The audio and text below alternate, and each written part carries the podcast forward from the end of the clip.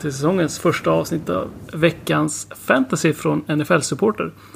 Eh, detta avsnittet görs i samarbete med GameDay.se som är våra stolta sponsorer. Eh, som sagt, eh, säsongens första avsnitt. Jag heter Olof Westman och med mig är min trogna parhäst Daniel Krona. Tjena Daniel, hur är läget? Tjena, det är bra. Det känns ju trevligt att få spela in säsongens första avsnitt helt klart. Ser fram emot eh, säsongen här nu. Det är ju en liten ljuspunkt som man har blickat fram emot här i mörkret som har varit hittills under eh, 2020. Så att, eh, det känns jäkligt kul. Eh, hur, hur är det med dig då?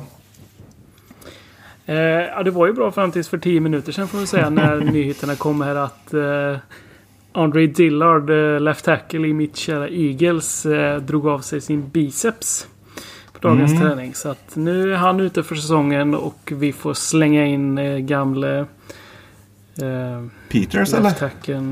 eh, Jason Peters. Ja, han skulle spela guard istället. Som- Det var det tänkt. Man får gå ut på Precis. tackle istället igen. Det kanske var bra. Det kanske var bra. Andrew Dillard har ju fått lite, lite mixade reviews under eh, preseason här. Så att, eh, det är ju aldrig bra när en startande left tackle drar av sin biceps. Men att eh, eh, vi får ju se och hoppas att, att eh, Peters fortfarande kan eh, spela bra trots att han är 38 år gammal. Så att, eh, ja, inte en jättebra start på säsongen. Men vi kan väl lägga det åt sidan och prata om lite trevligare saker som fantasy fotboll istället. Mm, det gör vi. Det tycker jag låter bra. Eh, som sagt, 2020 har ju varit ett stökigt år för oss alla. Eh, kanske framförallt för eh, NFL med eh, att få i ordning på en säsong och hålla alla friska och eh, eh, fria från, från smitta. Men eh, jag får ju säga att, att fantasy-säsongen här är ju verkligen en, en ljusglimt och någonting som kan få en att glömma bort lite av det här som har varit och, och någonting kul att blicka fram emot. Jag har själv, kan jag säga, inte varit så eh, lika taggad på den här säsongen. Eller hur har du känt med, med liksom NFL-säsongen? Har, har det varit samma taggning som tidigare år med, med tanke på allt som har varit runt omkring? Ja, både ja och nej. Det är, det är klart, man har inte riktigt vågat hoppas att det ska bli av och att det ska bli normalt eller så. Eh, och man har alltid hitta, hittat anledningar att tvivla så. Men jag tycker ju att NFL har skött det väldigt b- bra. Och alla de här frågorna man har haft har ju varit positiva svar på. Och sista nu med, med träningslägren när de har varit igång. Och det har ju Förutom en del falska eh, positiva testsvar här så har det ju varit eh, sett otroligt bra ut. Eh, alltså, det, så, så jag är väldigt taggad nu. Det är ju det är ju kanske e- enda eh, liksom, so- sociala och roliga som man kan ha och samlas kring eh, här nu på ett bra sätt under hösten. Eh, känns det som. Så att, Mm. ja, jag, jag tycker det känns jättebra.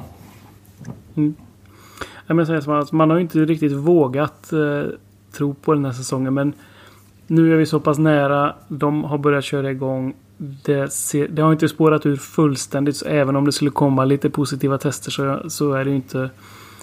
Det är inte så att säsongen ställs in som man har kanske varit lite rädd för att om det skulle bli en rejäl smittspridning bland lagen när de kommer tillbaka nu och kör training camp. Så att vi kan väl eh, hålla tummarna att det ska hålla i sig och att, att säsongen startar som den ska. Men det, det tror jag väl att den ska göra här. Det, vi är ju som sagt bara veckor bort. Mm.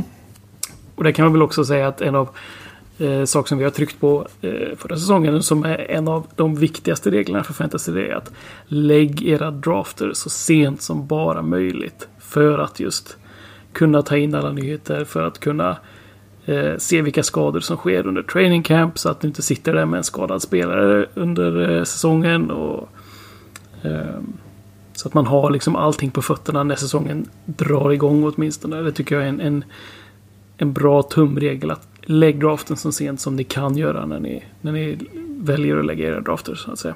Ja, det är ju viktigt. Det är inte kul att få veta redan i juli att säsongen är körd för att eh, tre spelare har valt att stå över säsongen eller, eller blivit skadade under något, någon eh, träning. Liksom. Det, det kan bli tillräckligt med sånt ändå under säsongen. Så att, eh, det är, är bra att ta det sent. Mm. Uh, vi kan väl börja med att titta lite på vad som hände förra säsongen. Bara, hur gick det för dig i, i din, ditt fantasyspel? Uh, ja, men det var väl överlag en bra uh, fantasy-säsong. Jag var ju med i så himla många ligor uh, under förra året. Jag var ju med i sju av våra egna ligor och skötte dem. Och sen hade jag nog fem, sex andra ligor som jag var med i. Eh, några, några lite olika format, olika plattformar. Eh, eh, sådär. Och det, det, var väl kanske inte i de som jag tycker är lite viktigare, lite kompisligor och, och sådär så gick det väl inte riktigt så bra som jag hade önskat. Men eh, i, i, tre av våra sju eh, av de sju ligorna som, eh, som jag hade för NFL-supporter så blev det seger. Så att, det var ju en framgång i alla fall. Hur, hur gick det för din del? Ja, men det, det var väl en godkänd säsong, men kanske inte så mycket mer. Jag, jag tog mig till slutspel i de flesta ligorna, men där var det bomstopp i första omgången på de flesta kändes det som. Så att, eh, ja, det är väl ändå någonstans godkänt om man tar sig till ett slutspel. Men oh. man hoppas ju såklart alltid på mer. Så att, Eh, jag ska ha med det i, i tanken här nu när eh, jag börjar drafta för eh, årets säsong och se till att ha spelare som kan klara en hel säsong och prestera även de sista veckorna. Ja, det är bra att plocka de här som kommer utvecklas till stjärnor under säsongen. är ett, ett litet eh, tips. De, de ska man ju ta.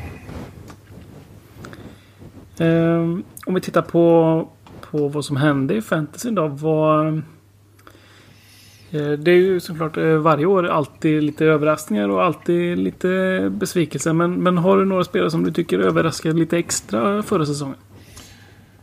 Ja, jag kikade lite på det eh, i förväg där. Och några riktiga utropstecken var ju på Titan-sidan där med Mark Andrews och Darren Waller i Ravens och Raiders. De hade jag ju inte några större förhoppningar på inför säsongen. Men de var ju i topp båda två på, eh, på den positionen. Det var klara överraskningar. Tannehill, Ryan Tannehill som inte ens såg ut som en starter när säsongen började. Har nog vunnit många ligor åt eh, fantasyspelare under förra året. Eh, skulle jag tro. Har, har, du sett några som eh, som du tyckte var särskilda överraskningar jämfört med vad man trodde inför säsongen? Ja, man får väl säga att Kenyon Drake eh, efter flytten till eh, Cardinals var väl en, eh, en ganska stor överraskning att han ja. kom igång så bra. Det såg ju inte jättebra ut när han var i Miami. Eh, och när vi ändå är inne på Miami så eh, att Devonte Parker som som är en sån här spelare som jag har draftat i många år. Och varit liksom, ja men nu, nu ska han väl ändå kunna... Nu är det läget öppet för honom. Det finns inte så många andra i vägen. Men förra året då så äntligen så, så kom han igång där eh, i mitten på säsongen. Mm. Och gjorde det ganska bra får man säga. Sen, eh, sen är det sådär, vågar man drafta honom i år igen? Ah, lite tveksamt kanske men, men eh, en, för mig en, en stor överraskning att han kunde prestera så bra.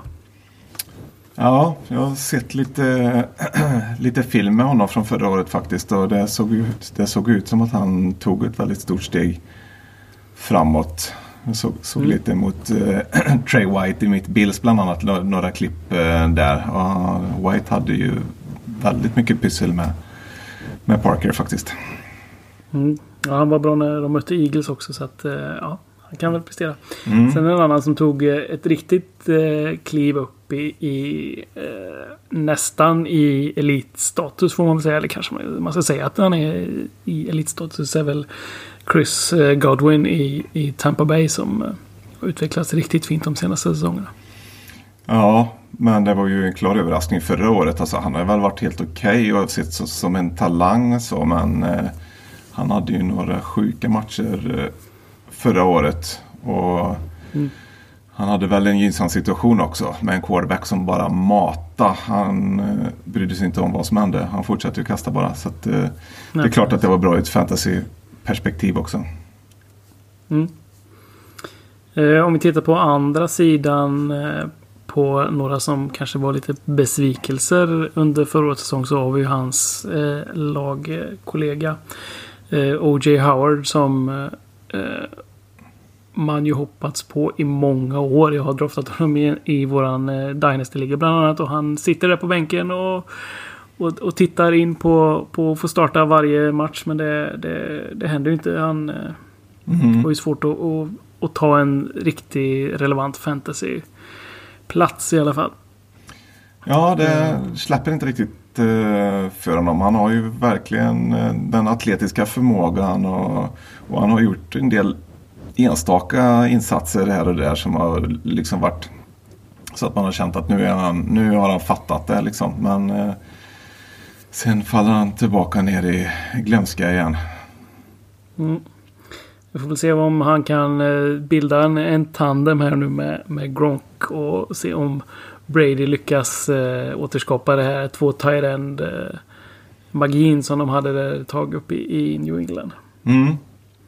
Det vill de ju säkert gärna göra. Men då har de ju även han Cameron Brait som äh, Alltså man känner med Brady så är det så otroligt mycket fokuserat kring kemi och sådär så att om man skulle utveckla kemi med Brady så är det mycket möjligt att det är han och uh, mm.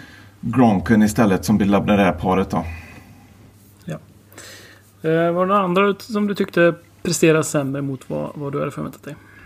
Ja, vi snackade ju om Drake som en överraskning och det var ju påtagligt vilken skillnad det var när han kom in och ersatte David Johnson som uh, många hade stora förhoppningar på inför förra året. Han gick väl eh, topp fem eh, i de flesta drafterna och eh, han var ju bedrövlig eh, i, i Cardinals och eh, gradvis fick han ju färre och eh, färre chanser tills eh, de till och med lät eh, hans eh, anonyma backup som jag inte ens kommer på namnet på här nu eh, ta över och gjorde, även han gjorde ett betydligt bättre jobb än vad Dave Johnson gjorde. Så att, eh, ja, det är ju frågan om det är han själv som har tappat eller om det var att han passar så dåligt i deras eh, offensiva scheme där i Cardinals. De hade ju ny coach så att det kan ju ha spelat in en del. Men eh, mm. Texans som har tagit honom nu är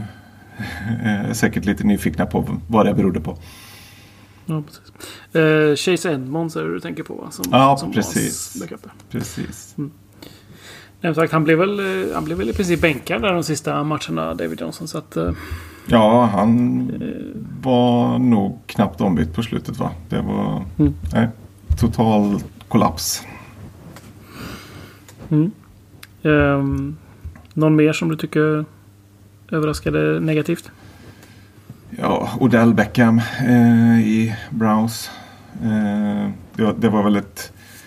En, hela deras offens var väl, eller st större delen av deras offens var väl en besvikelse. Baker Mayfield var ju inte bra. Eh, det var väl egentligen bara Chubb, deras running back, som gjorde en riktigt bra säsong. Och det var väl också lite tränarrelaterat eh, där. De tog ju en en chansning med, med tränare tycker jag som inte riktigt eh, funkar. Han tog sig lite vatten över huvudet där så att eh, det kanske man får skylla på, på det. Mm. Jag tror, tror, inte att han är slut på något sätt.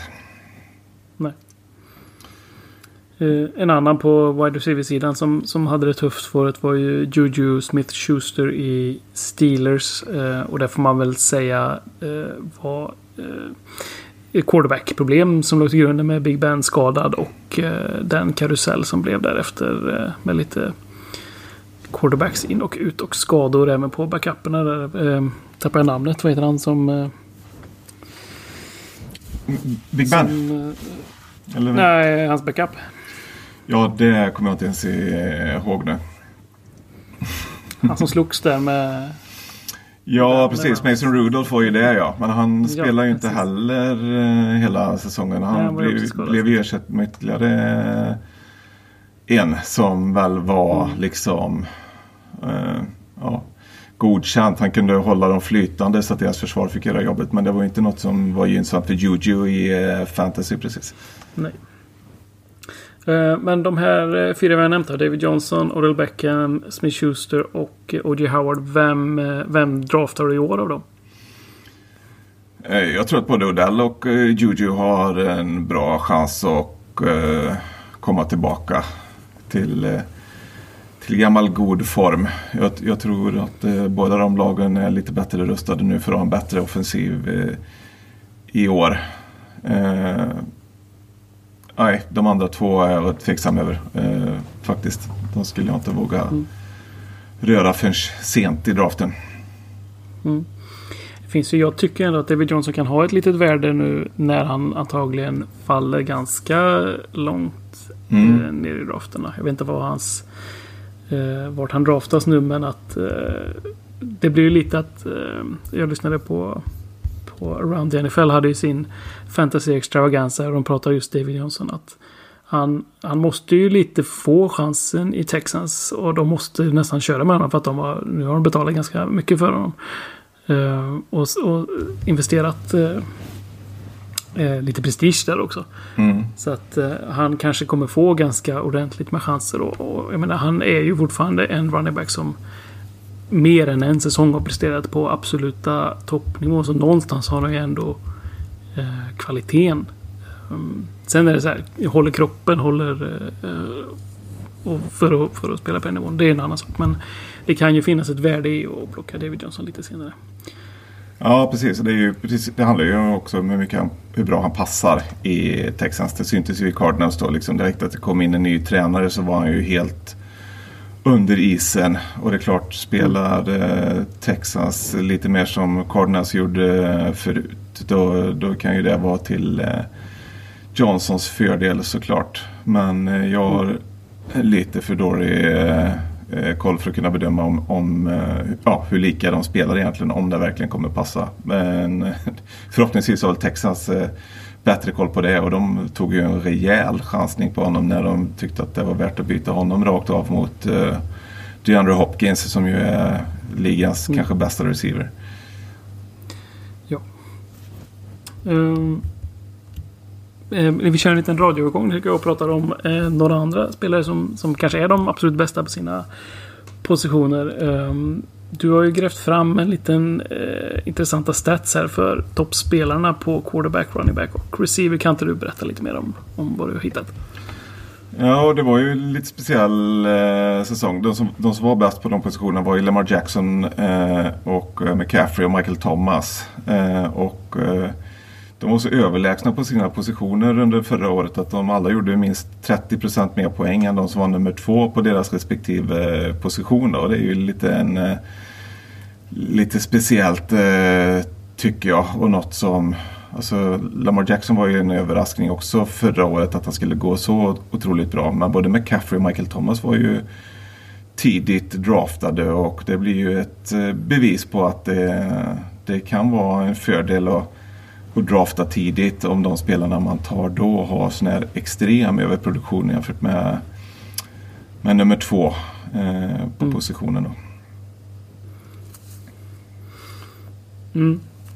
Eh, Thomas framförallt är väl eh, en intressant här att han, han hade ju, jag vet inte, ska vi se hur många passningar han tog emot till slut men eh, eh han hade ju fler receptions än, än många eh, vad många wide receiver-grupper i andra lag hade. Bland annat eh, i mitt Eagles och eh, Broncos, Colts, Raiders, Ravens och Vikings.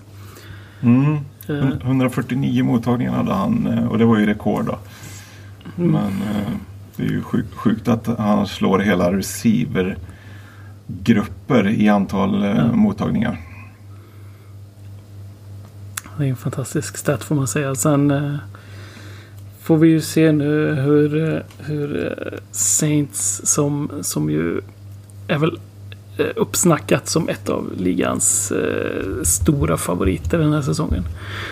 Eh, vad de kan prestera. Det ska väl gå bra den här säsongen också får vi säga. Ja, det får vi väl tro. Eh, jag tänker lite så här, vad... När du går in i den här säsongen då och ska drafta, vad, vad har du några liksom... Har du någon strategi eller någon tanke om vad du vill ska hända? Eller hur, hur, hur tänker du i de första, första rundan eller första rundorna? När du vill drafta?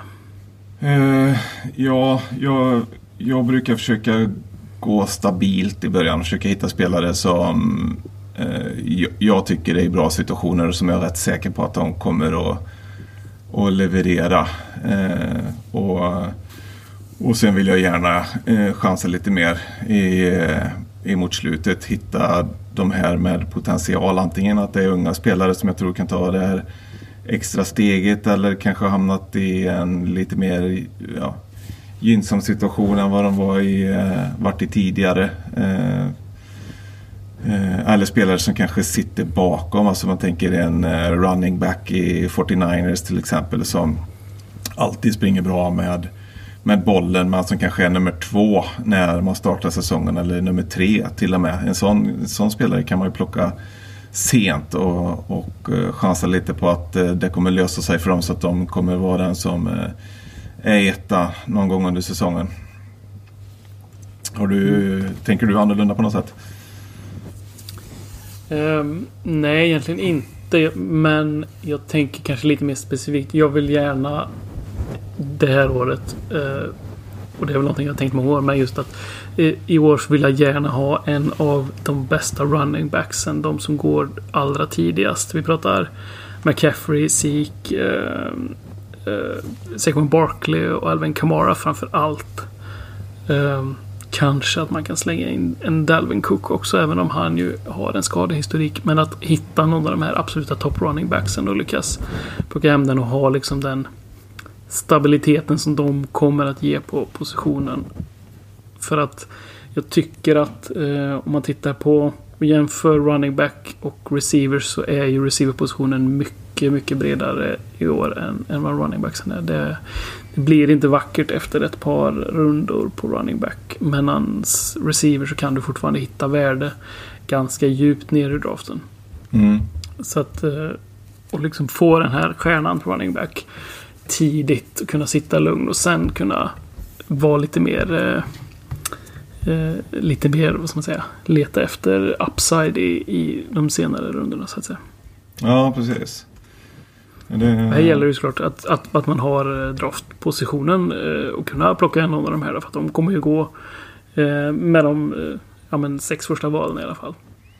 Mm. Så att antingen får man, får man trada upp om man inte hamnat där eller så får man se till att och ha en, en draft som bygger på något annat än lotten kanske. Jag vet inte vad man kan hitta på. ja.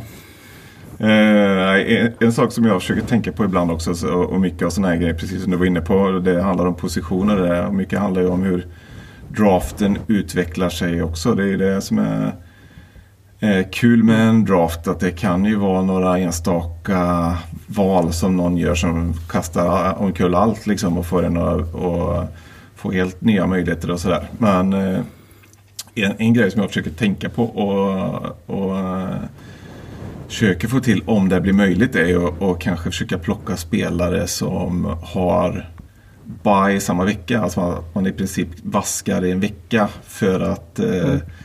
ha en liten edge i alla de andra veckorna. Annars så har man ju kanske alltid en bra spelare på buy. Men har man istället sex bra spelare på buy en vecka då har man ju ett antal procents uppsida i alla de andra fem sex veckorna mm. där de har haft eh, buy annars då. Så att eh, det är inte så lätt att få till. Men om man ändå sitter i en situation där man kanske väljer mellan två, tre spelare då kan ju det vara en faktor att väga in i alla fall. Mm. Och sen behöver ju inte det vara hela laget med. Men har du tre, fyra spelare på, som har baj samma vecka så, så är det ju ett... Eh, ändå den uppsidan eh, tycker jag att du får. Så att eh, absolut en, en, strategi väl värd att, att undersöka. Mm. Som sagt, sen är ju det svårt. Man, man måste ju i drafterna kunna vara flexibel på allting man gör. Man får inte vara för låst vid en jag ska drafta en viss position här eller en viss spelare här. För liksom händer det någonting så måste man ju kunna eh, agera liksom snabbt och, och eh, vara snabb i tanken där så att säga. Så att, eh, som jag säger, om jag nu vill ha en av de här topp fem eh, running backsen och får jag inte det, vad gör jag då? Då kan jag inte sitta där och, och, och gapa eh, och, och stirra. Så att eh, det gäller ju att ha både en och två och tre backup-planer och uh, veta vad man gör när saker och ting går åt helvete så att säga. Ja, precis. Och det, nu kanske det inte är så mycket strategi men det är otroligt viktigt att komma förberedd. Alltså att man har gjort någon form av ranking i förväg och kanske har skrivit ut den eller har den tillgänglig på datorn eller något, något sånt. Liksom, så att man kan snabbt sitta och dra streck över eller delita spelare som har blivit valda och sådär. Så att man har en bra överblick. Vad, vilka positioner mm. går det mest av och eh, vart har jag mm. guld, guldkornen just nu så att man kan ta ett snabbt beslut för i drafterna på ESPN som vi kommer köra på NFL-support i alla fall så har man ju 90 sekunder på sig när man väl är på klockan och det går ganska fort. Mm. Ja, hur. Uh, när vi draftar uh, offline så att säga då, då brukar jag vilja ha dels en lista med uh, med min ranking så att säga. Alla spelare uh, rankade från 1 till 300 liksom. Mm. Men sen tycker jag också om att ha rankingar per position så att säga. Så man just som du säger då kan se. Ja men nu har det gått väldigt mycket running backs. Ja men då kanske det finns ett värde på receiver eller tight end. Liksom att man kan ha med det i, i sin, eh, sitt draftupplägg också. Mm. Man, man ska kunna hitta lite värden någonstans och kunna eh, när de, eh, resten av ligan går åt ett håll så kan man själv gå åt andra. Liksom. Eller man ser att eh, ja, men nu har det börjat gå några quarterbacks här. Ja, men då måste jag kanske också agera om jag vill ha Eh, en viss eh, nivå på min quarterback. Ja, precis. Ofta är ju de här rankingarna, om man tar och hittar färdiga rankingar som finns eh, här och var på nätet eller om man själv har blivit så pass avancerad så är de ofta uppdelade i olika nivåer så att man kanske har tre quarterbacks på nivå ett i år liksom och har det gått två av dem då finns det ju ett mycket större värde i att ta den som är på nivå tre, eh, eller liksom tredje på den nivån, så att säga den sista som är kvar mm. på den nivån, än att ta en som ligger någonstans i mitten på sin nivå på running back. För ofta är ju de där nivåerna till för att säga att spelarna på den här nivån de är ganska likvärdiga. Sen blir det en drop-off till nästa nivå. Så det är ett sätt att få ut mer värde av sina val också. Mm. Vi kan ju nämna några av de eh, tjänsterna som finns. Det. ISPN har ju väldigt omfattande eh, rankingar. Både PPR och icke PPR. Eh, och eh, sina projections, alltså vad de tror ska hända. Och eh, matematiskt uträknade. Och, och sen, men sen har vi även Fantasy Pros som du kan hitta en hel del eh, utan att betala ska vi säga. Mm. För om du vill betala pengar då finns det ju en uppsjö till av olika tjänster och eh, även diverse appar och liknande som kan hjälpa dig. Ja, det finns ju en massa verktyg men det är ju smidigt såklart om man draftar på ESPN så finns det ju väldigt mycket att, att tillgå där. Om man eh, är någorlunda ny på det så har man en väldigt bra samling av info där. Mm. Um, du som sagt roddar ju i eh, alla våra NFL-supporters ligor. Kan du inte berätta lite hur det gick i de här ligorna förra säsongen? Eh, jo, det kan jag göra. Eh, vi hade ju igång 11 ligor plus en superliga förra året då. Eh, och eh, vi jobbar ju så att eh, de som vinner sina ligor eh, de går vidare till superligan nästa år och får spela mot de andra vinnarna plus de som var topp två i eh, superligan från året innan. Då, så att, eh, man kan hänga kvar i, eh, i superligan även om man inte vann eh, sin eh, Även om man inte vunnit någon annan liga då, så att säga. Eh, och mm. Superligan eh, förra året den vanns av eh, ett lag som heter Team Gevargis. Eh, Sargon Gevargis heter han som hade laget. Tvåa Injured Reserve med Sebastian Kjellberg och trea Hail Mary Patrik Nilsson. Så Sargon och Sebastian gick vidare till årets superliga då. Eh, och där var ju även ett antal andra vinnare eller tvåor i de ligorna som vi vann då. Eh, som gick vidare. Och det var Viktor Danielsen, Måns Dahlström, Sebbe Friberg, Fille Wallin, Dennis Hall, Filip Dijak, eh, Joakim Hedström, Martin Haugset, Anders Merilainen, Robert Johansson och Torbjörn Ros. Eh, så de kommer spela i Superligan i år då. Eh, och sen kan vi även nämna då eh, för första gången i år här nu då så har ju vi tagit fram en slags inofficiell SM-liga tillsammans med gänget i NFL-podden här. Så att de sju, sju från Superligan förra året här då är uttagna till den ligan där även NFL-podden har tagit ut sju lag. Plus att vi är med med varsitt lag från respektive podd då, för att kora vem som är eh, svensk mästare i fantasy säsongen 2020. Så, så det blir kul faktiskt. Vi kör det på den här lite nyare plattformen som heter Sleeper då som eh, jag bara har positiva erfarenheter av hittills. Den har varit bra. Mm. Ja, det ska bli riktigt spännande och jag säger till alla er här ute som kommer från NFL Supporters sida i den här eh, super, eh, superligan. Då. Det, det är viktigt att, att det blir ett lag från NFL Supporters sida som vinner. Så att, eh, lyssna på våran podd, lyssna på andra poddar och prestera bra. Det, det, det är det jag vill lämna er med. Ja, vi vet ju att alla våra lyssnare är lite mer pålästa så att jag skulle vara besviken om vi inte lägger beslag på de fem första platserna i alla fall i ligan. Sen är det ju lite otur såklart, det kan ju spela in men, men de fem första ska vi, ska vi klara. Vi kommer följa noggrant och även eh, coacha våran sida här så att, eh, så att eh, vi går segrande ur den här striden som det nu kommer att bli. Ja, Mm. Ehm, Jag tänkte så här, vi ska snart titta lite på quarterback och running backs. Vilka som går först och vilka som... eh, Om vi har kanske lite... Några sleeper picks. Men eh, jag har några frågor som vi behöver beta av först. Ehm, Jag tänker så här. vi- ska ju köra i våran... eh, Våran live draft liga som vi träffar varje år så kör vi superflex i år. Det är alltså när eh, flexpositionen även kan vara en quarterback. Vad, vad tycker du egentligen om det här? Yay or nej?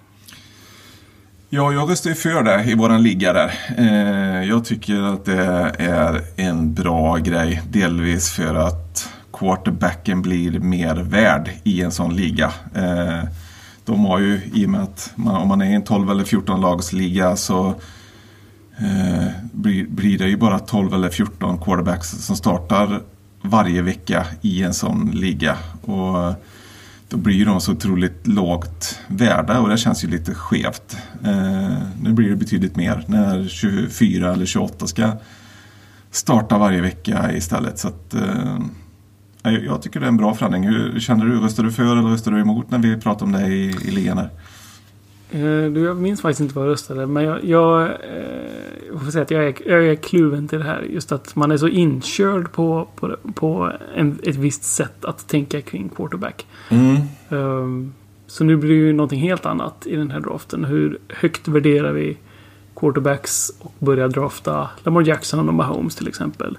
Men vad kan man också hitta eh, sent i rundorna som ändå kan vara en eh, eh, någonting som kan ge stort värde.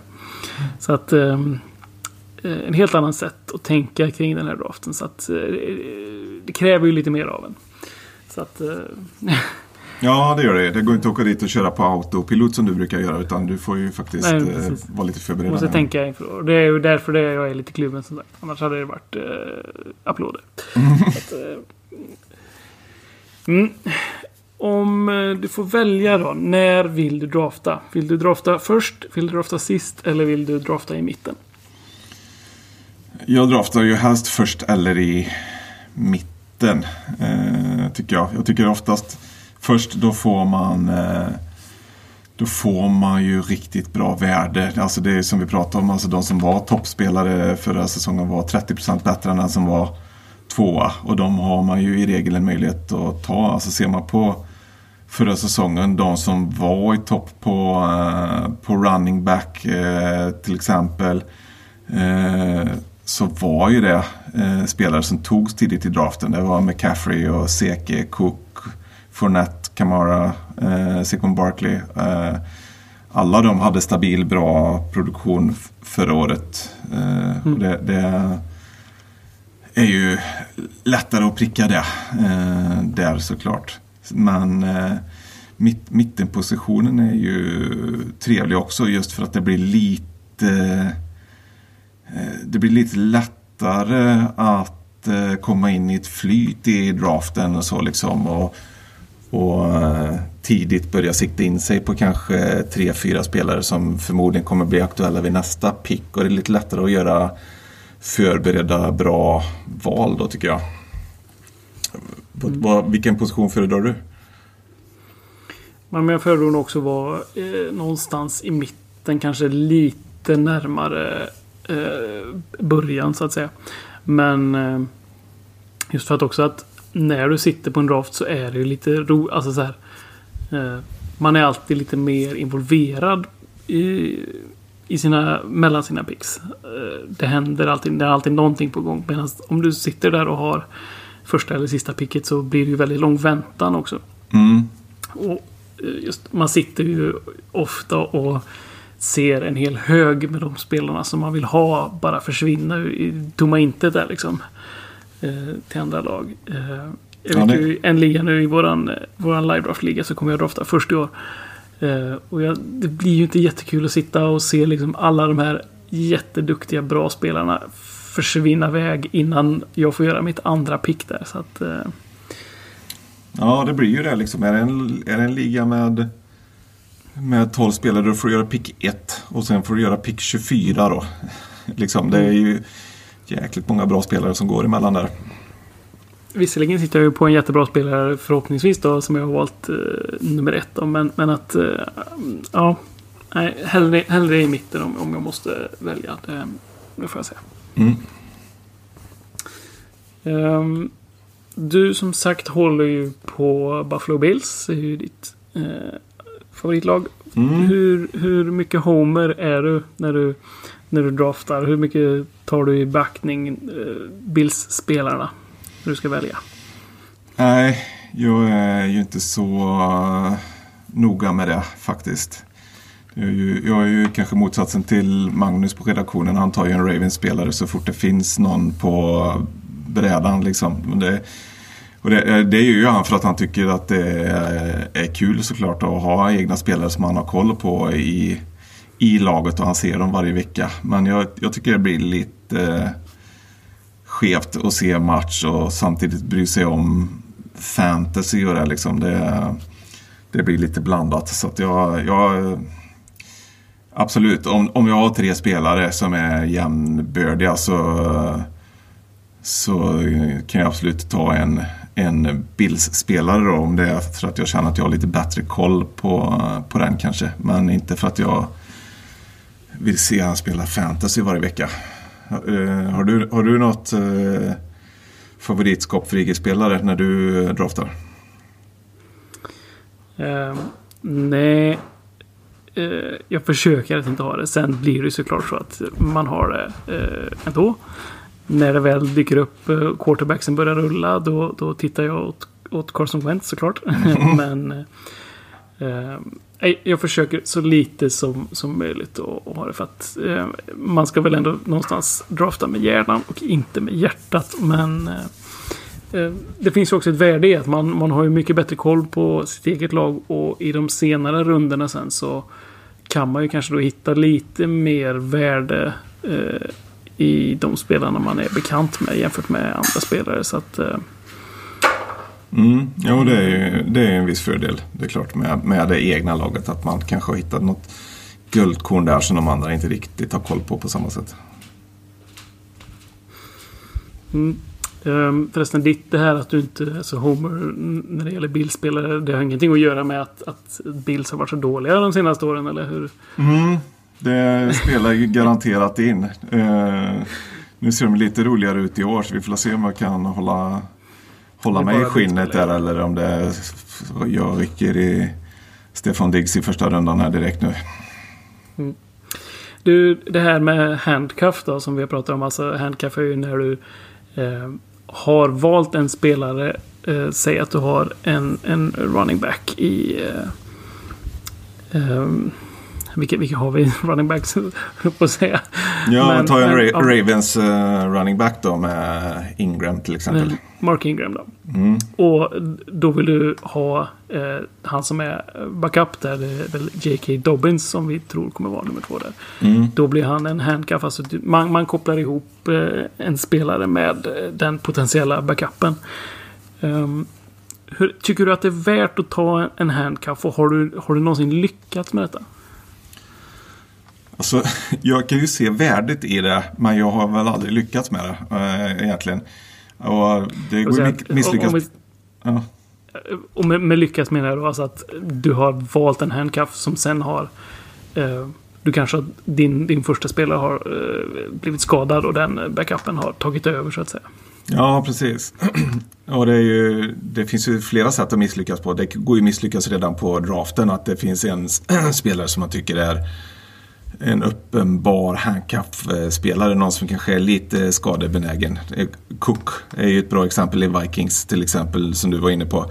Lite, lite skadebenägen. Då kanske man vill ha om det är Mattisson som är bakom eh, honom där som, eh, som handcuff då.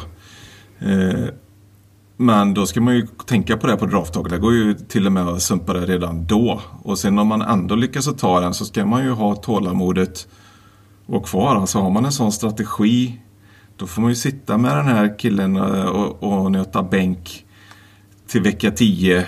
Eh, för om man nu spekulerar i att en, eh, en running back ska gå sönder så att säga. Eller den andra av någon anledning ska ta över i alla fall. Då lär ju inte det ske tidigt under säsongen i regel. Utan det blir ju ofta eh, under kanske andra halvan. Och Mm. då är det ju väldigt lätt att misslyckas redan på vägen där. Ja, fasen, jag behöver ju platsen nu för jag måste ju plocka upp den här tight enden som eh, har haft två bra veckor nu och fortfarande finns på, på wavern. Ut med eh, Mattison och in med tight enden istället och sen så blir Cook skadad nästa vecka. Det är ju är svårt att lyckas med för det kräver, kräver ju en hel del tålamod. Man får hålla fast i, i den här säsongen ut i stort sett. Mm. Ja, men som säger, jag tycker det är, en, det är egentligen mer en teoretisk eh, eh, tankelek där. Liksom att, att ja, men jag ska ha den här spelaren och han kommer att komma in och vara jättebra när min första spelare har blivit skadad här. Liksom. Men eh, som sagt, hur många gånger lyckas man eh, pricka att eh, den du väljer också då blir skadad och det kommer in en som är så pass bra så att, att det motsvarar den produktionen. Jag tycker att det, det är jättesvårt. Sen så såklart det, det känns ju bättre när man väl draftar. Om du, speciellt om du då väljer en spelare som kanske har en viss skadehistorik. Att det, det känns ju tryggare åtminstone de här första veckorna. Så att eh, det kan Mm. finnas ett värde i det också. Ja, sen eh, en viktig faktor eh, där är ju att det man ser ju ganska smart ut på en live-draft när man går fram och plockar en sån eh, spelare också. Man får ju mycket respekt där så det, det spelar också in. Sen så är det, är det, ska man välja en, en handcuff då är det ju för de spelarna man väljer i runda ett eller runda två. Att börja handcuffa senare, det tycker jag slänga pix i sjön. Ja, absolut. Mm. Eh, sagt, vi tittar lite på eh, quarterback och running backs idag. Eh, och ser vad, vilka som, eh, som eh, experterna tror kommer att vara bäst helt enkelt. Jag ska se om jag kan få fram min lista. Även om vi kan väl börja med quarterbacks helt enkelt. Det är för det tycker jag eh, är, är väl rimligt att göra. Eh, Mm. Eftersom positionen är den viktigaste i NFL. Ehm, Så har vi ju Lamar Jackson som är en eh, kanske solklar etta får man väl säga. Han hade ju som sagt hela 415 fantasypoäng i PPR förra året på, på ESPNs standardligor. Mm. Jämfört då med tvåan eh, Patrick Mahomes som hade 287. Eller han var inte två för säsongen men två rankas två i år så att säga. Um, vad, hur, hur ser du på Lamar och Patrick Mahomes? Eh, är det etta, tvåa alltså, solklart eller hur, hur väljer du? Eh, ja, det är det nog. Eh, de är väldigt olika egentligen. Och det är väl... Eh, det man kan lyfta fram är ju hur viktigt touchdowns är för en quarterback i, eh, i fantasy. Eh, och att springa in touchdowns är ju lite mer värt än att eh, passa för touchdowns då. Eh, och Lamar har ju lite större potential just när det gäller att göra egna touchdowns. Eh, då gjorde han ju sju mot, eh, mot eh, Mahomes två eh, förra säsongen då. Men eh, Mahomes mm. har ju en otrolig potential i passningsspelet eh, istället. Så att eh, det, det, de är väl topp två av olika anledningar om man säger så. Men jag har svårt att mm. sätta någon annan framför dem. Mm. Det jag eh, vill väl höja ett litet varningens finger ändå för att eh, det här var ju första riktiga säsongen för Lamar Jackson och eh, de tog ju verkligen NFL med storm får man säga. Mm. Finns det en liten chans kanske att de är... Nu finns det ordentligt med film.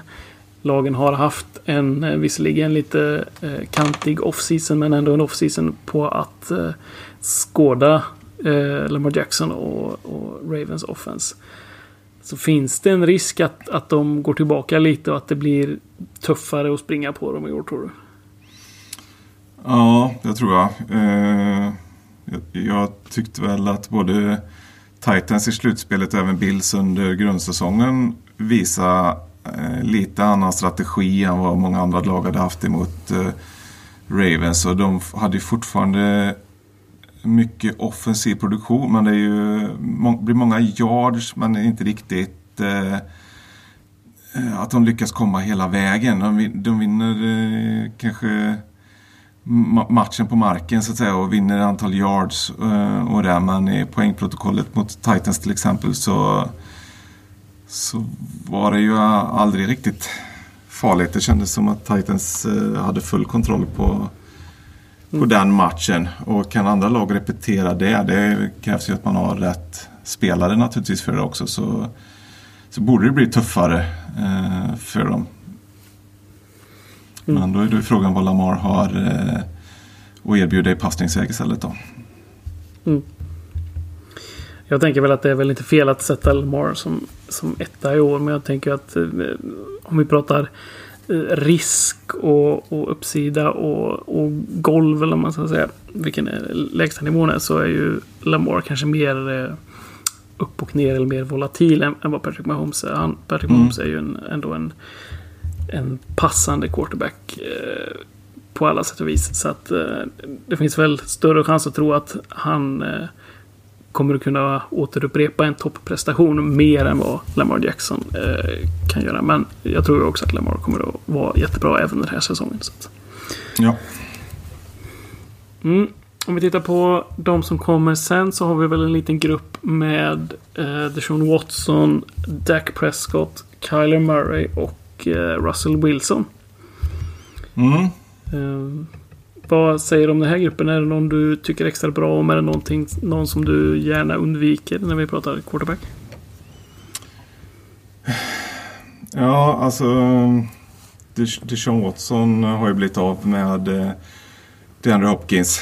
Eh, Receivergruppen ser väl ändå hyfsad ut om den är hel. Alltså där kan man ju snacka om volatilitet för Deshaun Watson via sin eh, receivergrupp då i, i så fall. För att Will Fuller och Brandon Cooks ska stå på fötterna en hel säsong har jag ju eh, väldigt svårt att, att tro.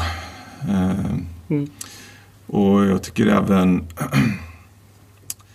det, beror, ja, det skulle vara intressant att se hur Seahawks eh, gör. Eh, Russell Wilson kommer ju behöva passa för mycket eh, touchdowns om han ska vara i toppen. Eh, jag tänker både Prescott och Calamari har lite större potential med eh, för egna touchdowns eh, än, än, vad Wilson har. Så att mm.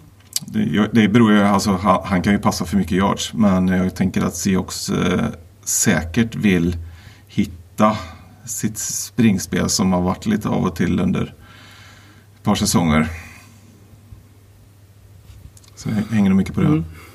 Eh, eller vad tror du? Ja, um, det känns ju som att um, Seahawks, det, var mycket uh, boomer bust-spel som gällde för Russell Wilson. Han tvingas också uh, hålla på med sin magi där bakom en, en suspekt all som väl har blivit bättre uh, till den här säsongen. Men att Eh, hur, hur mycket klarar han av att bära på sina axlar så att säga. Och prestera på en, på en fantasy-nivå som är ändå så här hög. Det, det är ju synd att tala emot Russell Wilson för han har ju lyckats eh, säsong efter säsong så att säga. Men eh, han, är, han får väl ändå i den här gruppen ändå kanske eh, vara nummer sex av de vi har pratat om hittills. Mm. Um, Dak Prescott får väl ändå säga har precis alla förutsättningar för att ha en, en monstersäsong det här året. Ja. Um, har ju uh, kanske den bästa receivergruppen i ligan uh, totalt sett. Även om han kanske inte har den här absoluta topp elite receivern. Um, men Amari Cooper, Michael Gallup och rookien CD Lamb får väl ändå ses som, som en riktigt komplett uh, receivergrupp. Ja, det är ju ja, riktigt spännande gäng. Mm. Lägg till Sik där också som ändå, även om man inte är den eh, running backen som, som fångar mest passningar så är ju springspelet någonting som måste respekteras i, i, från Dallas sida såklart. Mm, det blir intressant där också. Jag minns inte riktigt men Pollard eh, fick ju varvas in en del under förra säsongen och var en liten sån fantasy-älskling några veckor eh, i början på säsongen. Han gjorde väl en väldigt stark försäsong bland annat. Han är väl en lite, mm. lite mer involverad i passningsspelet. Eh, jag, jag, kan absolut tänka mig med ny coach och sådär att de kommer att köra lite mer eh, med honom på planen och kanske inte låta Sigge dra ett riktigt så stort lass som han har gjort. Nej, precis. Um, om vi tittar lite bakom här i vad ska man säga, någon slags mellannivå på quarterbacksen här. Så har vi ju eh, Tompa B. Mm. Som har flyttat ner till värmen. Kanske gör honom gott nu när han är till åren kommen. Jag vet inte. eh, vi har Matt Ryan. Trivs i Florida riktigt. Men... Nej, nej, precis. Vi får väl se. Eh, nu kanske han har akklimatiserat sig lite mer eh, efter ett par månader där nere. Ja. Eh, Tom, Tom Brady på sju, sjua. Matt Ryan. Josh Allen. Matthew Stafford. Drew Brees. Carson Wentz. Och vi kan väl slänga med Aaron Rodgers där. Vad, vad säger du om en, en... Det är ju ganska namnkunniga spelare då får vi säga. Men det är ju inte alltid det översätts bra till fantasy. Nej, precis. Alltså, här är man fortfarande lite i ett område där man kanske antingen vill försöka hitta om det finns någon som man tror har ett hyfsat golv och en riktigt bra uppsida eller eh, någon som man tycker är riktigt stabil eh, produktion. Så det finns många lite osäkra kort där tycker jag. Jag vet inte alls vad Tom, Tom Brady han, får ju, han har ju sjukt mycket bättre receivergrupp än vad han har haft på länge i Bucks där nu naturligtvis. Men hur kommer mm. de att spela? Eh, kommer, han, kommer det liksom vara ett spel som ger honom en hög fantasyproduktion? Det kommer inte se ut som det har gjort med James Winston i, eh, i Bucks precis. Eh, så att, han skulle jag nog eh, plocka ner några snap på den här listan. Eh, och då, det skulle jag nog hellre ta en sån som Drew Brees före som är i samma gamla vanliga system. Han har fortfarande Michael Thomas och, eh, och, och om han nu bara inte ramlar ihop helt så kommer han att och ha fortsatt hög produktion i en av eh, ligans bästa anfall. Så att eh, han håller jag högre och jag håller nog även Josh Allen till och med eh, högre. Nu låter jag ju som en sån som kommer plocka mina egna spelare men han har ju sån otrolig potential just på det här med egna touchdowns. Han sprang ju in eh, nio egna touchdowns förra säsongen. Det är väldigt mycket för en, eh, en quarterback. Mm. Eh, annars tycker jag väl att alla hör hemma här eh, i den här eh, nivån så att säga. Det finns eh, väldigt mycket likheter och det går ju även att eh, inkludera några andra där också. Tannehill Mm. kanske kan vara där och Cam Newton kan, eh, kan höra hemma ihop med det här gänget också. Liksom. Och då, Mm. Här behöver man inte här behöver man kanske inte ta den första i det här gänget utan man kan ta någon av dem någon av dem eh, lite senare här i så fall. De är ganska jämbördiga de som jag har rabblat upp här nu. Ehm, Ehm, två spelare jag vill att du ehm, berättar vad du tycker om. Ehm, Matthew Stafford eh, var ju skadad eh, halva förra säsongen. Eh, tror du han kommer tillbaka i gammalt storslag med sin jättearm eller hur? vad tror du om, om en quarterback som ändå har blivit en veteran? Nu får man säga han är ändå och 32 år. Uh, ja, det är han ju. Men eh, eh han är ju en favorit eh, både i fantasy och, och annars. En fighter. Så jag tror verkligen han har skött eh, sin träning och eh, att han kommer komma tillbaka. Och de har en bra Eh, kanske inte topp, men en bra eh, grupp med eh, receivers med Golladay och Marvin Jones där. Och, och, eh, vi får se Håkansson, deras tight end som startade så bra förra säsongen. Om han studsar tillbaka lite här. Eh, tight ends är ju traditionellt lite bättre sitt andra år. Det första året brukar vara lite svårare för dem. Så att jag tycker väl att han har eh, eh, potential. Han är hemma i den här gruppen. Men det är väl en av dem som eh, också har lite volatilitet på grund av att man inte riktigt vet vart han står efter sin skada. Så, så att det är ganska lågt golv, ganska högt tak. Eh, Mm. Det ska man nog räkna med. Och andra quarterbacken vill att du berättar något om. Eh, eller berätta vad du tycker. Eh, är ju Aaron Rodgers. Var, han var ju cementerad som en av i alla fall topp två quarterbacks för inte alls många säsonger sedan. Men nu, nu är det ju någonting helt annat där uppe i Green Bay med Eh, mycket nya spelare och ny coachstab. Vad, vad, vad säger man om Aaron Rodgers som en fantasy quarterback? Ja, han, han är ju en bättre quarterback IRL än eh, i fantasy får man ju säga. Alltså, han är ju eh, en quarterback som vinner matcher och spelar stabilt och inte kastar bort många interceptions. Men det är inte så, det blir inte så belönat i fantasy. Eh, och han har ju verkligen inte fått en massa nya vapen eller leksaker eh, i, i sitt anfall eh, där heller. Eh, och känns inte som att han och coacherna är riktigt på samma sida. Eh, de har draftat en ny QB. När ska den killen ta över? Jordan Love. Eh, så där finns det otroligt mycket eh, frågetecken kring, eh, kring honom. Jag tror inte att han har särskilt hög uppsida. Men, eh, men han kan väl erbjuda ett hyfsat golv som gör att man kan ta honom i, i botten av det här gänget som vi har eh, rabblat upp här nu eller strax efter. Mm. Mm. Eh, ser att vi pratar på som vi brukar göra i de här poddarna. Eh, så vi ska eh, kanske försöka eh, snabba på lite. Men om du är någon liten sleeper du vill slänga ut där på quarterback-positionen. Har du någon lite senare som, som du tror ändå kan ge bra värde och som man kan hålla en säsong? Alltså när jag har kollat på, eh, det snackar vi inte så mycket om förut, men ADP finns ju en lista som man kan kolla på. Det är ju average draft position. Det kan man ju se från alla mock drafts och alla live drafts eh, vart spelare har valts. Och eh, en som jag har fastnat för det är ju Baker Mayfield som ju hade en riktigt dålig säsong på många sätt förra året.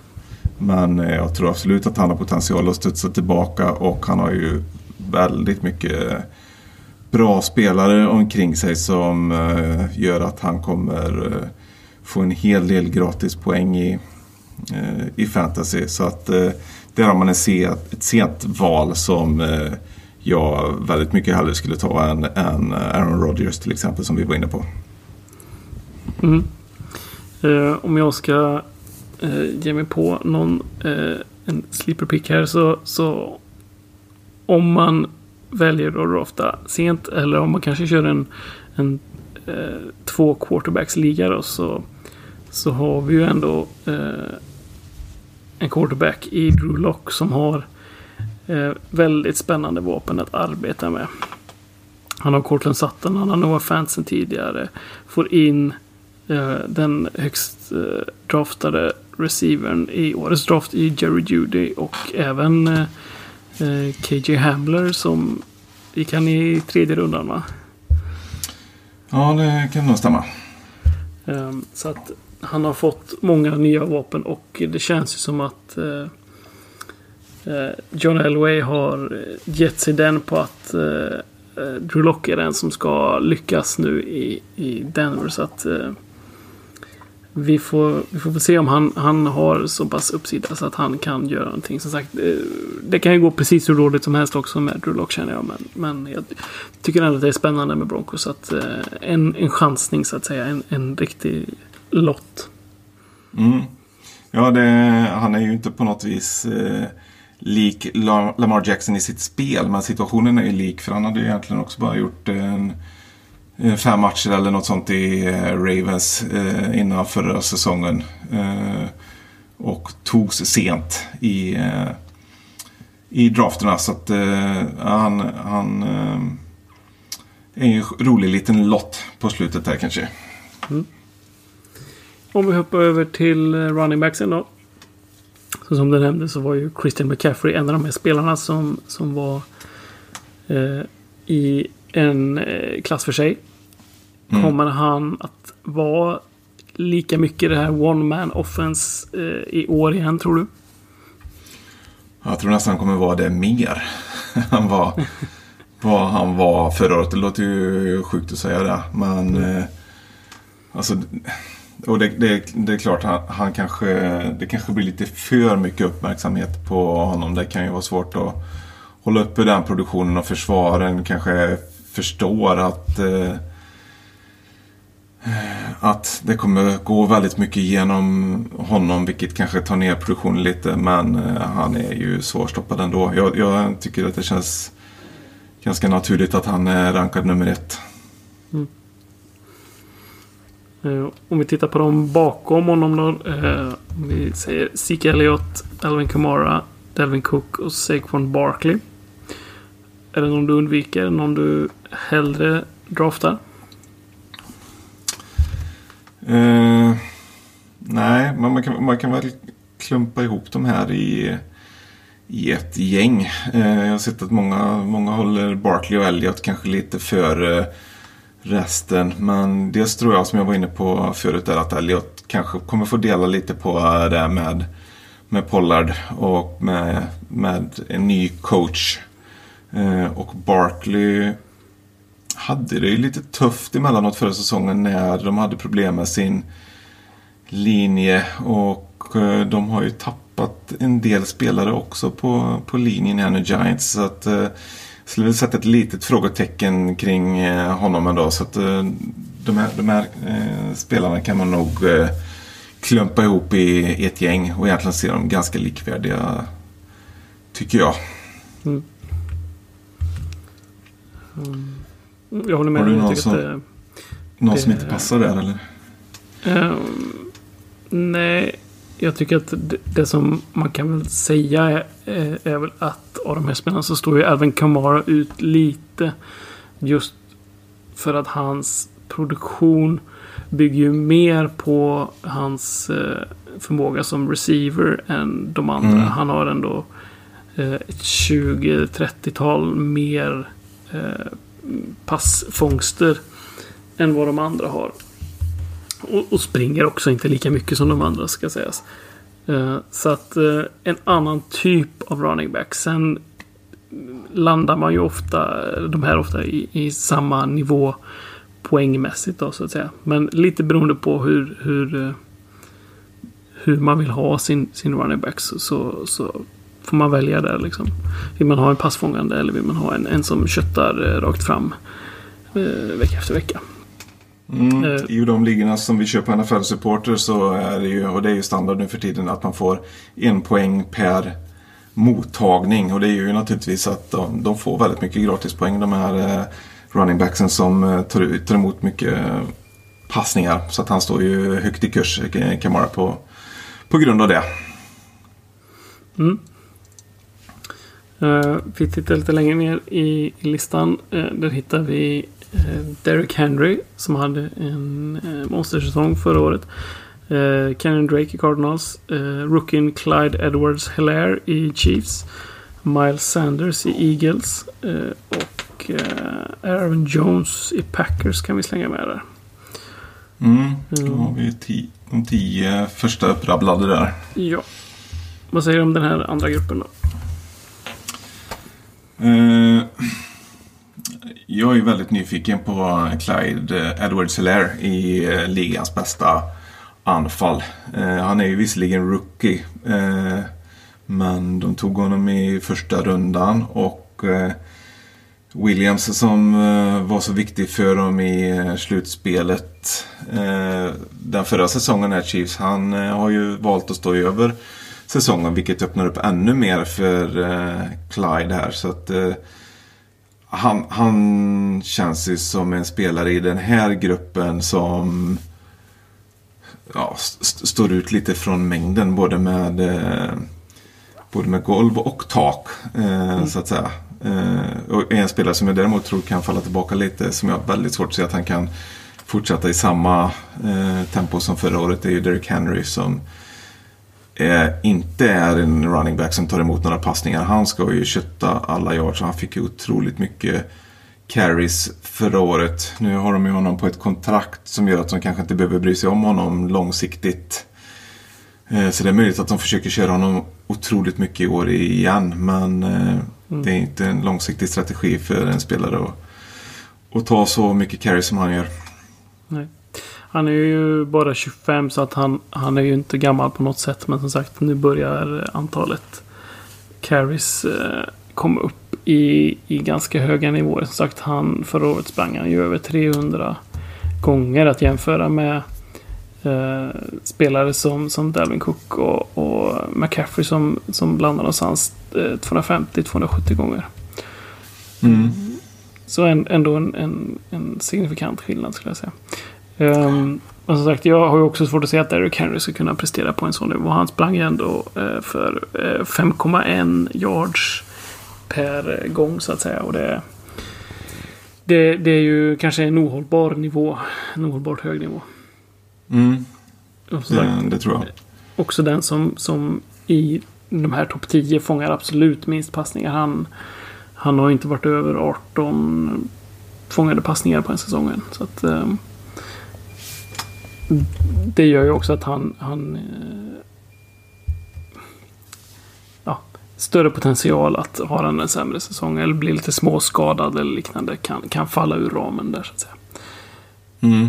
Um, sen med, med en spelare som Clyde Edwards Hilaire så... eh, det är ju så fruktansvärt tråkig inställning att ha. Men jag har ju också jag har ju den inställningen att det är liksom en rookie som kommer in och... och eh, visserligen på är ju running back rookies eh, har det väl lite enklare än andra. Men att, att direkt säga att han ska upp här på, på topp eh, åtta är ändå en... en, en eh, Kanske lite mastigt kan jag tycka. Men, men eh, sagt, jag är ingen, ingen draft eh, eh analys, analytiker.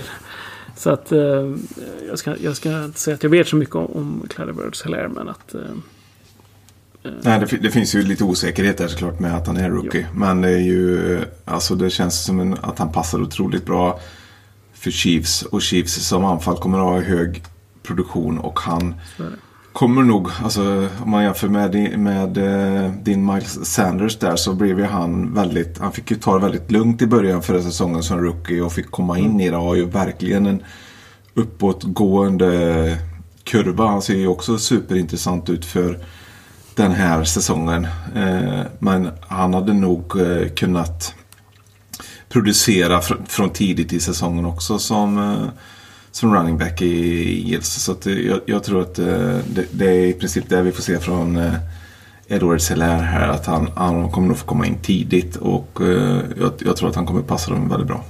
Mm.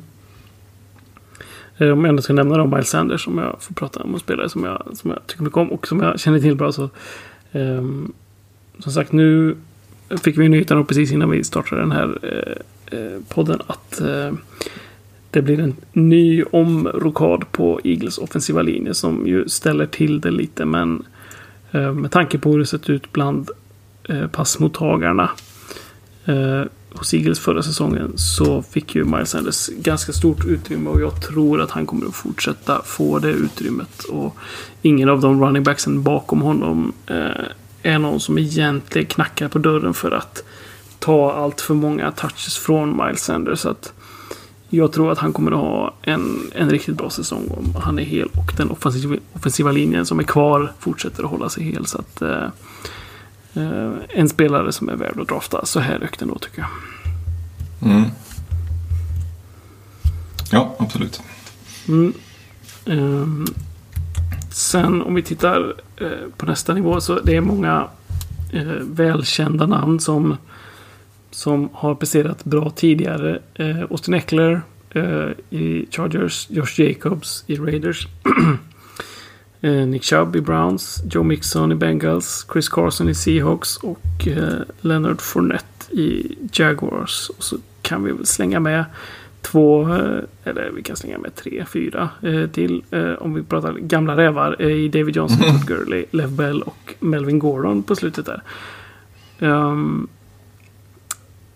en större grupp här men, men vad säger du om en sån som Austin Eckler som, som ju kom fram bakom Melvin Gordon och var en liten sån här eh, gubben i lådan spelare vill jag säga. Som, som fångar jättemycket passningar och som, som, som inte är kanske den traditionella typen av running back. Men, eh, men eh, vad, vad, vad tror du om hans säsong?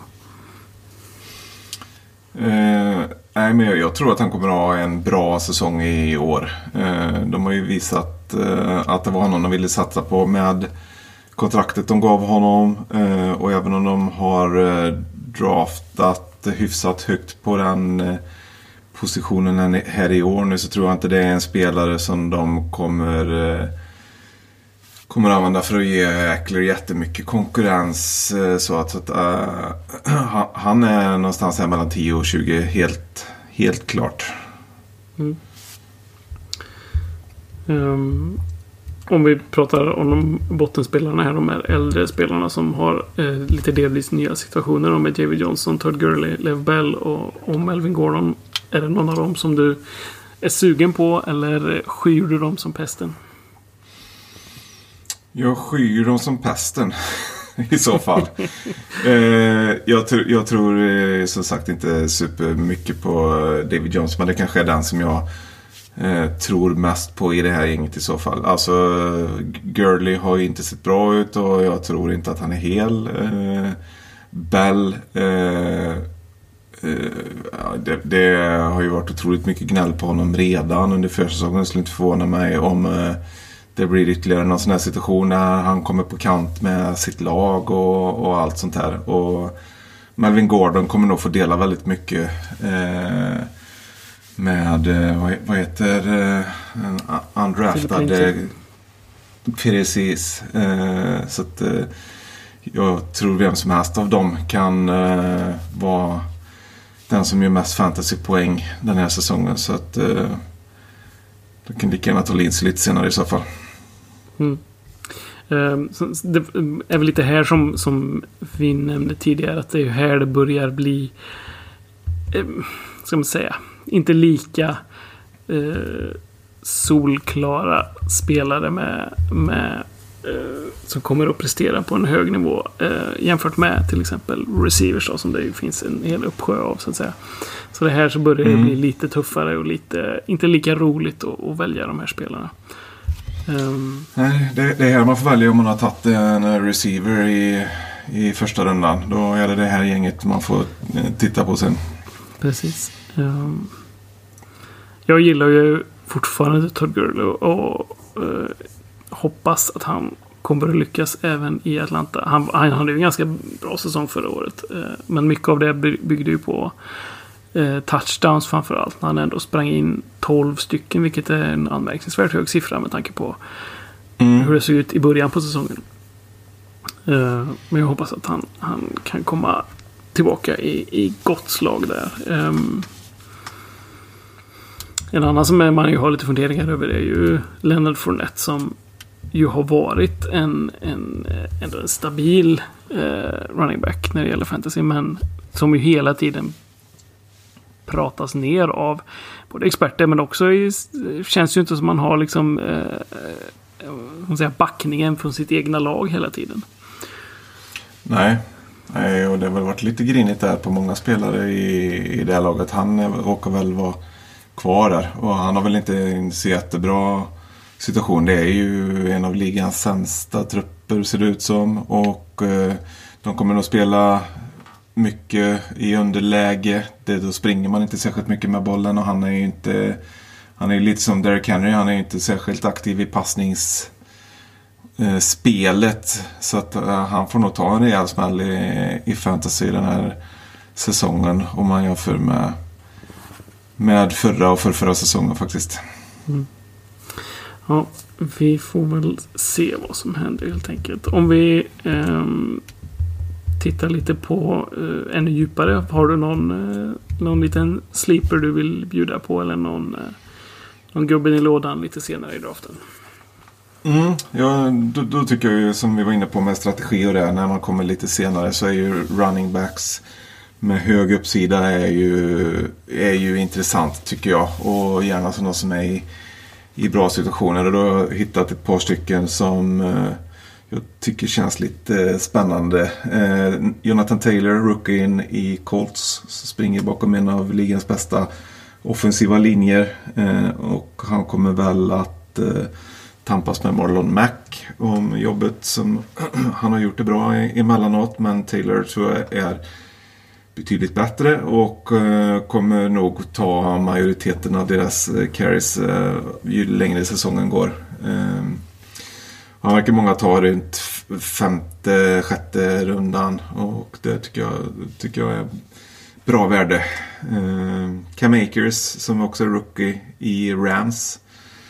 Som ju har haft ett roligt eh, och bra springspel med Gurley bland annat förut. Eh, de har ju Sean McVay som sköter eh, anfallsstrategin åt dem och han är ju riktigt bra på, på det. Så jag tycker att Cam Akers är en väldigt spännande situation och han draftas i sjunde åttonde rundan såg jag. Så att eh, det, det kan vara en eh, spelare att ta där med riktigt högt eh, tak. Mm.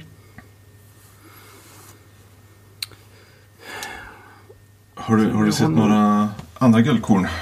Någon att bjuda på. Ehm, jag tycker ju att om vi ska nämna gamla godingar så, så, så finns ju ändå eh, om vi ska prata riktigt djupt i draften så, så, är- så är det Adrian Peterson.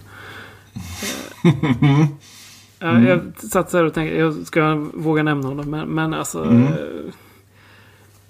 det finns inte jättemycket kul och bra i, för det här Washington-laget att jobba med. Det är ju Scary Terry McLaurin som på eh, receiversidan kommer att få väldigt mycket eh, passningar. Men vad, vad, vad mer ska de göra? De behöver någon som kan springa och, och det är väl fortfarande Adrian Peterson. Han hade ju en, en jättefin säsong eh, förra året får man väl ändå säga med tanke på sin ålder. Och, eh, så, så här, jag, vill ändå, jag vill ändå ge henne en liten chans i, att prestera i år igen. Så att, eh, Mm. ehm, Jo, Han är, ju liksom, han, han är ju trolig nummer ett. Eh, liksom. Och det är ju inte dåligt att hitta en sån i, i tolfte rundan eh, av en draft. Det får man ju säga. Mm. Sen också, man får ju tänka lite här ehm, kanske lagsituationer också när man tittar djupt i draftarna. Hur ser det ut i, eh, för ett lag som 49ers till exempel som har många bra running backs. Men, men kan man hitta någon av deras running backs sent, till exempel Tevin Coleman. Eh, så kanske det är en bra situation med tanke på man vet ju inte. Är det någon av dem som blir het så kanske den får eh, ännu mer chanser och eh, att, att, att springa med bollen. Så att eh, eh, det finns ju uppsida i ett sånt eh, lag så att säga. Eh, samma Mm. Patriots där det finns många eh, val att göra. Kanske svårt att välja rätt men träffar du rätt där så kommer du ju ha eh, väldigt bra uppsida på de spelarna. Så att, eh, det pratar Ja, det är det som om. är utmaningen i de lagen är ju att det är väldigt svårt att veta vem som ska starta vecka för vecka. Så du kan ha tagit ut en 49ers eller en Patriots running back men den spelar inte eh, särskilt mycket den matchen. Det är ju otroligt eh, trixigt. Ja, det är man hoppas att man, man kan drafta en sån spelare sent och att eh, situationen blir lite tydligare. Eh, vi kan ju nämna i, i Patriots så är det ju James White, eh, Sonny Michel och... ehm, eh, Harris där också. ja, Harrison. Och så har vi Lass, Lasses gamla favorit. Eh, han, han är väl där i år igen. Ja, vad fasen heter han som kom ifrån Bengals eh, till den för några år sedan. Ja, Rex Burkhead. Precis, burken. Precis. James White, Rex Burkhead, Damien Harris och Sonny Michel. Så att, eh, sagt, en, en tuff situation men, men vill, man, vill man ha en, en lott så eh, är ju de eh, eh, kanske roliga val att göra. Och vi får slänga in Lamar Miller i den hatten också. Där. Han är ju i, i Patriots också nu. Ja, just det. Ja, stökigt men eh, Precis. vi får ju se vad som händer. Någon måste ju producera på deras offensiv också. Så att. Mm. Ja, eh, men eh, det var väl ett eh, jättelångt och bra första avsnitt av eh, veckans fantasy för den här säsongen. Vi ska väl nämna lite också hur, hur vi har tänkt oss att säsongen kommer se ut. Vi kommer eh, inte att eh, ha ett avsnitt av veckans fantasy varje vecka. Ehm, för att det är lite svårt för oss att eh, hålla oss så eh, producera så många avsnitt så snabbt som det, som det är tvunget när det gäller veck, veckans fantasy helt enkelt. Um, Mm. Så att vi kommer istället tvungna. att jobba mer med våra sociala medier. Så följ oss framförallt på Facebook och Twitter skulle jag säga för fantasynyheter och på kommer hitta på våran webb med artiklar. Så kommer vi att under säsongen eh, göra lite mer sammanfattande avsnitt. Precis. Mm. Det är ju måndag, var ju ändå alternativet för oss att spela in och det blev ju rätt tajt att, att få till. Och det blir ju, då blir ju även innehållet lite lidande så att eh, det är bättre att vi producerar på lite andra snabbare medium. Eh, får ut det den vägen och så kan vi ha lite, lite andra roliga vinklar på, på den här podden eh, framöver istället. Mm. Men eh, nu när vi är i eh, ska man säga, upptakten inför säsongen så kommer vi att eh, eh, lägga ut lite, lite snabbare eh, än veckovis faktiskt. Så att vi, ni kan snart räkna med ett nytt avsnitt av veckans fantasy helt enkelt. Men eh, med det säger vi tack och eh, på återseende. Mm, ha det bra. Hej!